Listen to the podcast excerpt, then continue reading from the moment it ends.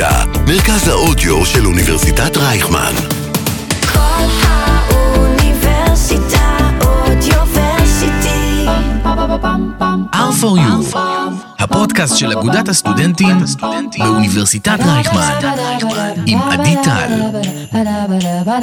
היום בפרק נדבר עם מועדון מיינדסט ונראיין את נבו, סטודנט לפסיכולוגיה ומינהל עסקים בשנה ד', שהקים את מועדון מיינדסט ביחד עם אורי, סטודנט שנה ג' יזמות ומינהל עסקים. אורי ונבו יספרו לנו איך אפשר להתכונן יותר טוב לתקופת מבחנים וייתנו לנו ככה טיפים שהם למדו מהתקופה שלהם במועדון. אז לפני שנצלול פנימה, רוצים לספר לנו מה זה מועדון מיינדסט? מועדון מיינדסט, אה, מועדון העצמה אישית, אבל הוא עובד במודל קצת שונה משאר המועדונים, אנחנו לא מועדון קלאסי. אה, יש לנו שלושה ערכים שמובילים אותנו, פרקטיקה, מגוון ויציאה מאזור הנוחות, זה בדרך תרגול.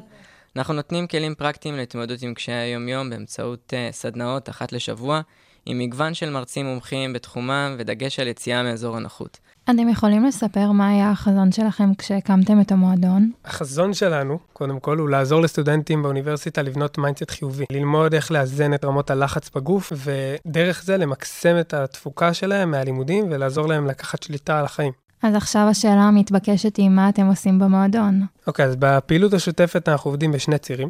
ציר אחד הוא הציר החווייתי, והציר השני הוא הציר התרגול היומיומי. בציר החווייתי, אני אתן קצת דוגמאות שיוכלו להבין, אנחנו עושים ממש סדנאות. למשל סדנת ווימוף, שבה הסטודנטים נחשפים לאמבטיות קרח, סדנאות נשימה, סדנאות יוגה. אז נשמע שהציר הראשון הוא ציר יותר חווייתי. מה קורה בציר השני? בציר השני, אה, אנחנו עובדים על תרגול יומיומי, שבו אנחנו נותנים לסטודנטים כלים שממש נכנסים לחיים האישיים שלהם, ועוזרים להם להטמיע את מה שהם למדו.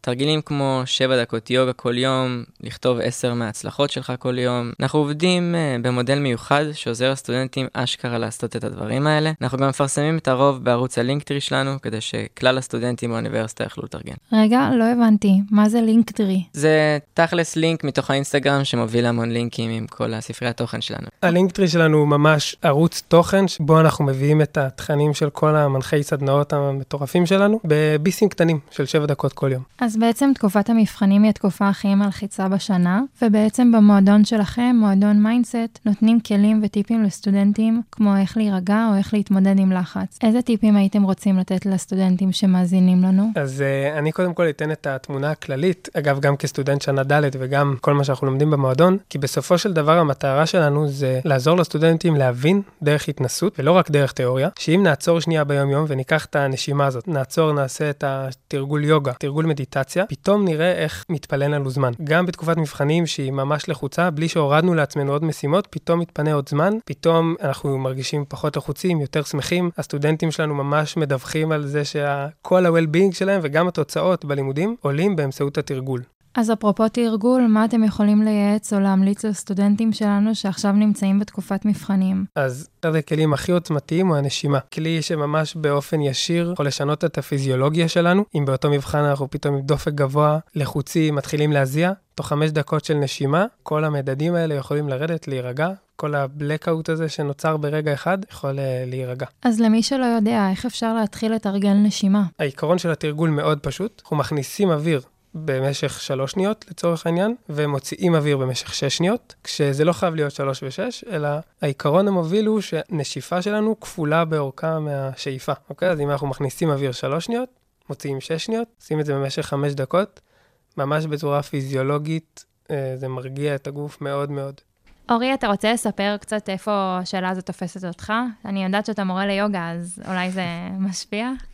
Um, האמת שאני אשמח. תרגול יוגה תופס אותי עוד מימי הודו הרחוקה, אבל uh, בתקופות מבחנים ספציפית זה משהו שאני ממש מכניס לעצמי כנוהל. אני פותח כל בוקר ב- בין uh, רבע שעה ל-40 דקות יוגה, תלוי כמה חזק אני צריך את זה באותו יום, ואני ממש מרגיש ש- שזה מקרקע אותי, זה מרגיע אותי, זה מתחיל את הבוקר בהצלחה אחת שעשיתי בשביל עצמי, אה, ואוטומטית כל היום לימודים שלי נראה, נראה אחרת. שבע דקות אה, יוגה ביום, תרגול אתגר של שבוע יוגה. אני אמשיך, אני אשמח רגע לגוע בנקודה קלה ש... שאמרת, ואפילו כבר לתת את זה ככלי, שזה אפילו לא משנה מה תבחרו. נשימה, יוגה, מקלחת קרה, לכתוב חמש דקות על דף. עצם הפעולה של לעשות משהו שהתחייבת אליו כל יום, במשך נאמר 20 יום, זה מעלה את תחושת המסוגלות בצורה לא נורמלית. אני חושבת שגם, אם אני מסכמת פה את כל מה שאתם אומרים, שהיתרון הגדול של כל הטיפים שאתם נותנים זה איך בעצם ליצור מסגרת ושגרה בתקופת מבחנים. כי אם בשונה משגרה, אנחנו בדרך כלל נוסעים לקמפוס, יש ביום כזה או אחר את השיעורים שאנחנו רגילים אה, להגיע אליהם, בתקופת מבחנים אין לנו שגרה. אז דווקא נראה לי שהיתרון הגדול של מה שאתם מציעים פה זה גם בעצם ליצור מסגרת ליום שלנו. אתה קם, אתה עושה משהו, ואז זה גם נותן תחושת ביטחון לאיך הדברים נראים. אני אחדד אותך ואגיד אה, מסגרת חיובית.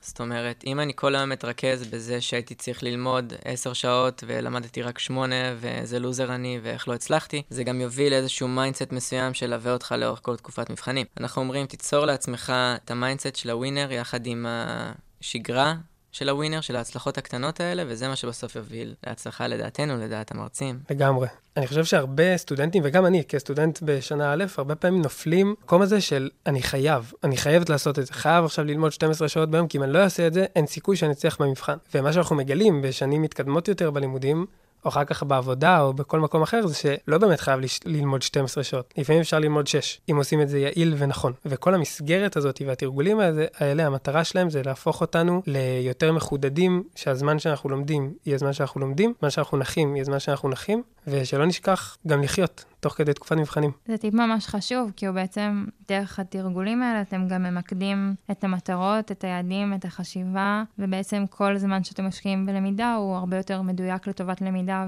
וללא הסחות דעת. לגמרי. יש האומרים אפילו נהנים מהדרך.